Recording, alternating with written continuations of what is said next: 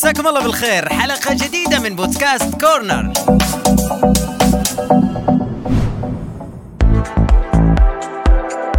قصة بطل.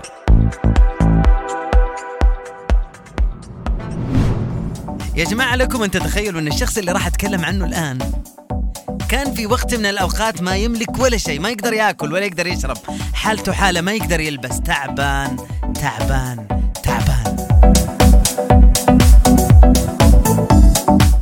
الشخص هذا اللي راح أتكلم عنه اليوم أصبح واحد من أغنى أغنياء العالم.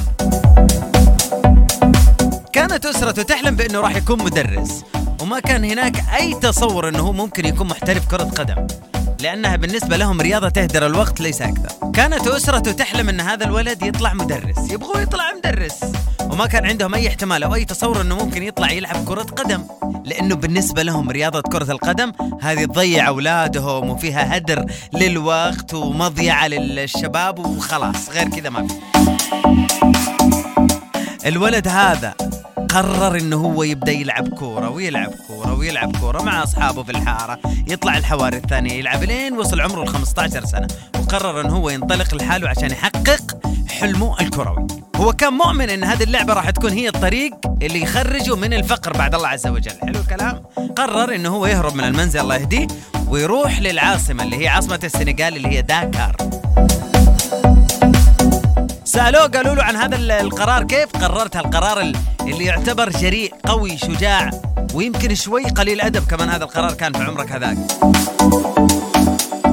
خبى شنطته الرياضية من الليل. حطها ورا الأشجار. ستة الصباح صحي فرش أسنانه.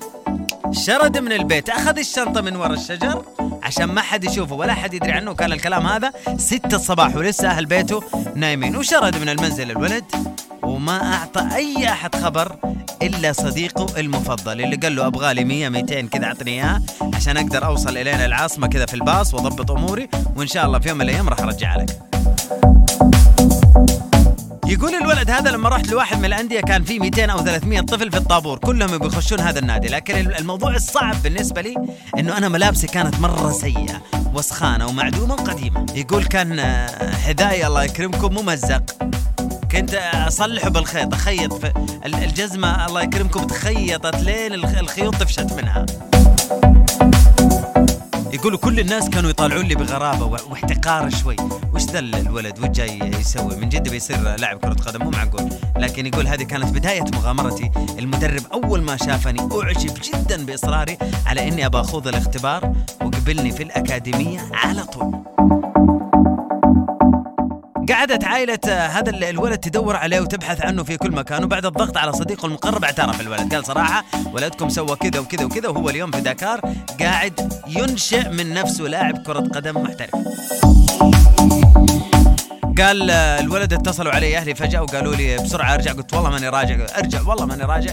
وكنت أحس بالخجل تجاههم مستحي منهم لكن أنا حالف إني ما أرجع. لكنهم قالوا لي خلاص أرجع وإحنا راح نخليك تلعب كرة قدم إن شاء الله. ووعدوني بالشيء هذا. أنا خلاص آه، قررت إنه أنا أرجع. الولد هذا اللي أنا أتكلم عنه هو واحد من أفضل لاعبي العالم الآن ويلعب في ليفربول. إنه ساديو ماني.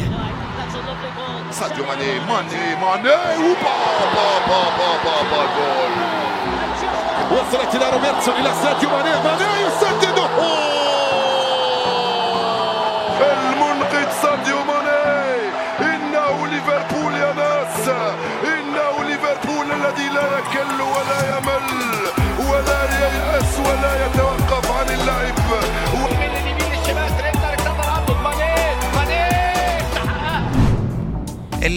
هداف ليفربول ويلعب الآن للفريق للموسم الرابع وحقق لقب دوري أبطال أوروبا والسوبر الاوروبيه وكأس العالم للأندية خلال عام 2019 يمتلك أسطول من السيارات الفارهة اليوم ويفتح كثير من البيوت في بلاده وأيضا يشارك في أعمال خيرية كثيرة إلى اليوم رغم أنه أصبح من الأثرياء الذين يمتلكون اموالا طائلة. برافو عليك أبو ماني يا جماعة في الهند إيش صار؟ يا جماعة في الهند في شاب هندي راح لعيلة ثرية دري إنه ولدهم ضايع. دخل عندهم كذا فجأة بابا ماما حضنهم حضنهم. قال أنا ولد حق أنتم أنا الولد اللي ضعت. انبسطوا وهذا. وخلاص. يا ولد وحشتنا فين ضعت حكاهم؟ حكاية كذا إنه ضاع وذا واليوم بالقوة لقى اللوكيشن وجاء ورجع على البيت. عاش 41 سنة. مبسوط مستانس. إيش سيارة فخمة؟ إيش غرفته في في الفيلا فخمة؟ مرفه لأبعد درجة. بعد 41 سنة الرجال شيب. قرروا أبوه وأمه الله يهديهم ان هم يسووا اختبار الحمض النووي. سووا الاختبار الحمض النووي طلع ما هو ولدهم ولا يقرب لهم ولا يعرفوه. بس اللهم أنه ضحك عليهم وجاء وسوى نفسه إنه ولدهم وحكم عليه بالسجن ثلاث سنوات ونص. نحسب نقول 41 سنة مبسوط ثلاث سنين ونص في السجن؟ حلوة ولا كيف يا؟ حلوة؟ طيبه والله.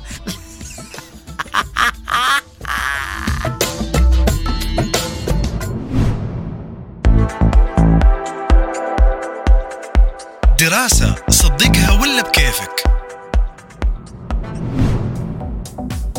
جايب أخبار سارة جدا لحبايبي وزملائي وأخواني أصحاب ال- الكرش مساكم الله بالخير. يقولون في دراسة عملها البروفيسور جون سبيكمان صاحب دراسة قوية جدا جدا جدا. تقول أن النساء يحبون أصحاب الكرش وأصحاب الكرش يجذبون النساء وأصحاب الكرش يشعرون النساء برجولتهم. وأيضا النساء يشعرن بالأمان أكثر مع أصحاب الكرش ويعتبرون أن صاحب الكرش رجل يضحي من أجل الآخرين ويهتم بغيره أكثر مما يهتم بنفسه. ليش؟ لأنه لو كان يهتم بنفسه أصلا ما كان طلعت الكرش لكن هو مهتم بالباقيين وناسي نفسه ومنظره وشكله. فتحية لك يا صديقي الكرش دقيقة دقيقة دقيقة ما خلصت ما خلصت. تعزيزا لأصحاب الكروش. ترى موضة الصيف الجديدة يا جماعة تقول وعنوانها وأكبر وأكثر ما يقال عنها أن الرجال أصحاب الكروش هم الأكثر جاذبية. الله. هذه كانت حلقة بودكاست كورنر الثالثة. تقدروا تسمعوا لهالحلقة وكل الحلقات الماضية على تطبيق ألف ألف FM وموقع ألف ألف FM ويوتيوب ألف ألف FM وكمان على تطبيق أنغامي. شكرا مصطفى أصفري على الإخراج شكرا لكم أنتم على الاستماع. أنا أحمد الركن أودعكم واللقى في الحلقة الجاية. Bye! Bye! Bye!